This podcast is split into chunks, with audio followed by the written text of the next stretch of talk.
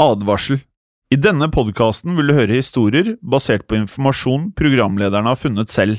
Programlederne står ikke nødvendigvis inne for meninger og syn som fremstilles. Noen påstander kan avvike fra virkeligheten.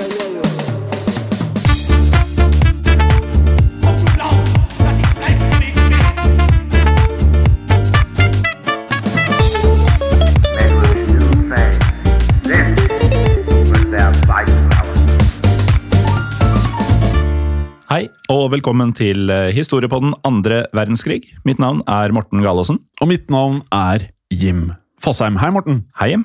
Du, i dag så skal vi fortsette på en serie vi har. Eh, men det er mange måneder siden forrige episode i denne serien. Tilbake i januar, faktisk. Eh, vet du da hvilken serie jeg sikter til? Det er jo den om kvinnelige agenter. Det er helt korrekt. Uh, Serien om kvinnelige agenter under andre verdenskrig. Og mm, vi har snakka om Pearl Witherington, den britiske agenten som leda over 2000 mann i den franske motstandsbevegelsen, og som saboterte tyske tog i forkant av landgangen i Normandie i 1944. Eh, Den episoden den kom altså ut for nesten et halvt år siden. Det er på tide å gå videre i denne serien. Er det serien. så lenge siden? Ja, eh, Helt til slutten av januar. Jeg sjekka i arket før vi gikk i studio. Ja, ja. Uh, ja, men uh, vi har hatt mye bra i mellomtiden. Det har vi virkelig, så um, jeg håper ikke folk har savna denne serien for mye, men nå er den i hvert fall tilbake. Ja. Og um, Witherington, da, som vi hadde om i den forrige episoden i denne serien, hun bidro jo da på den måten til å forsinke tyskernes militære transporter til fronten. Ja. Men i dagens episode så skal vi til en historie som jeg tipper det er mange som kanskje kjenner til denne her fra tidligere. Eh, fordi det skal da handle om en norsk kvinnelig agent. Og hun het Sonja Wigert. Og var en eh, stor skuespiller, også kjendis i sin tid. Likevel så ble hun altså en hemmelig agent, så jeg må jo si at dette er et godt utgangspunkt for en spennende historie. Ja, altså dette bør jo bli juicy. Mm. Uh, og Sonja Wigert hun var da på mange måter Norges svar på Malene Dietrich. Uh, Dietrich var jo da en stor stjerne før og under krigen, kjent fra både tyske filmsuksesser og amerikanske Hollywood-filmer. Og Marlene Dietrich hun poserte ofte i glamorøse kjoler og oste av sensualitet på, på den tiden.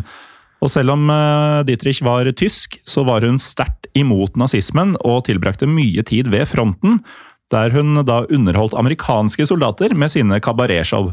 Det er riktig det, og Dietrich hun eh, mottok faktisk USAs Medal of Freedom, altså frihetsmedaljen for eh, sin patriotiske innsats under krigen.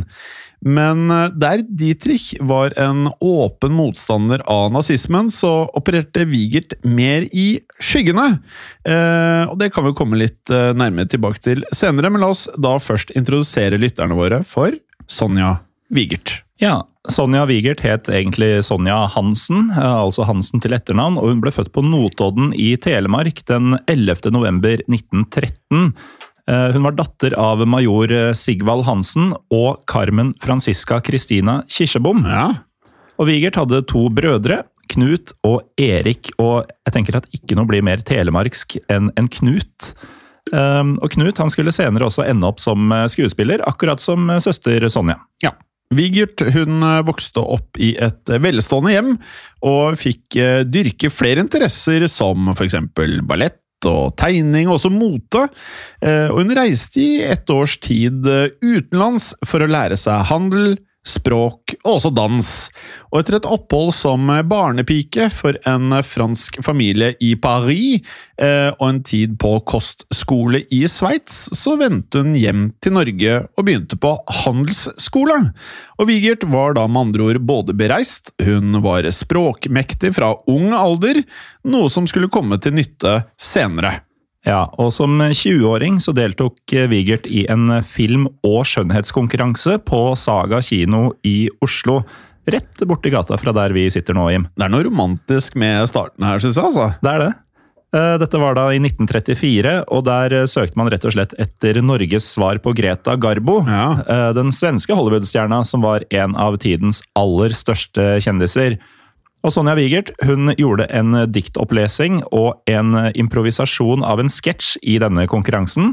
Og blant de 200 deltakerne så ble Sonja Wigert kåra til vinner. Og førstepremien det var å få lese opp et dikt på radio.